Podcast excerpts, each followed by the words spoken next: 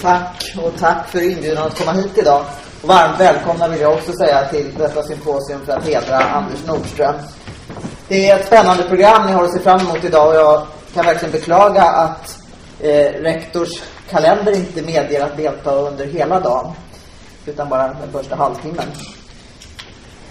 Man kan ju fråga sig vad gör rektor på ett sånt här symposium som är en avtackning av en medarbetare. Eh, Rektor kan ju förstås inte vara med och avtacka alla medarbetare hur gärna hon än skulle vilja. Eh, men då vill jag verkligen säga det att det är inte vem som helst som vi avtackar idag. Eh, Anders är en levande legend kan man säga inom universitetet. Det alla känner dig, alla talar väl om dig. Och sen skulle jag också faktiskt vilja säga, och, och det, detta då med all respekt för det, din egen gärning, så skulle jag vilja säga att dagens symposium också faktiskt har ett symbolvärde för hela universitetet som naturligtvis omfattar det du har gjort, men som också har en betydelse utöver det.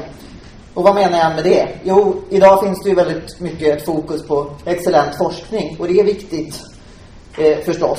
Eh, men huvudfokus på dagens symposium, det ligger snarare, tror jag, på utbildningssidan och excellens inom utbildning är minst lika viktigt.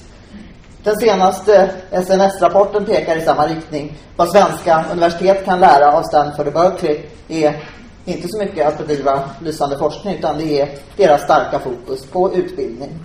Det kräver också forskningskompetenta och dedikerade medarbetare som är beredda att lägga ett personligt huvudfokus i sin gärning på utbildningsfrågor, som har en passion för det och brinner för det.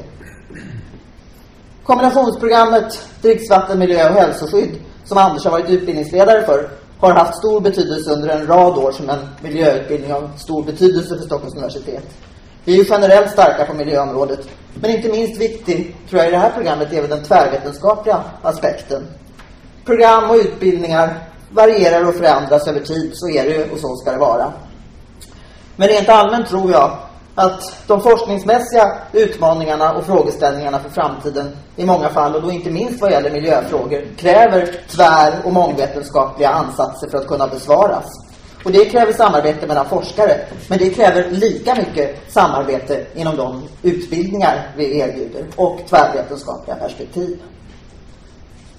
Jag vill gärna lyfta fram betydelsen för ett stort universitet som Stockholms av medarbetare som du, Anders, som är ett omvittnat stort engagemang och som sagt en passion för utbildningsfrågor bidrar till att ständigt vässa kvaliteten i vår verksamhet inom högre utbildning och då inte minst kan man också nämna lärarutbildningen. Jag vet ju också att du har varit delaktig också i andra sammanhang inom fakulteten när det gäller utbildningsfrågor utöver själva det här programmet. Och det är många som har omvittnat Anders kvaliteter och berömt hans goda samarbetsförmåga i alla de här sammanhangen.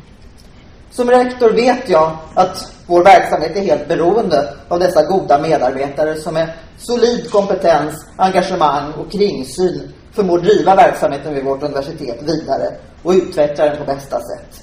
Och det är därför också med stor glädje och tacksamhet som jag än en gång ber att få hälsa er alla hjärtligt välkomna till dagens symposium. Och med ett särskilt tack till Anders Nordström för hans gärning vid Stockholms universitet.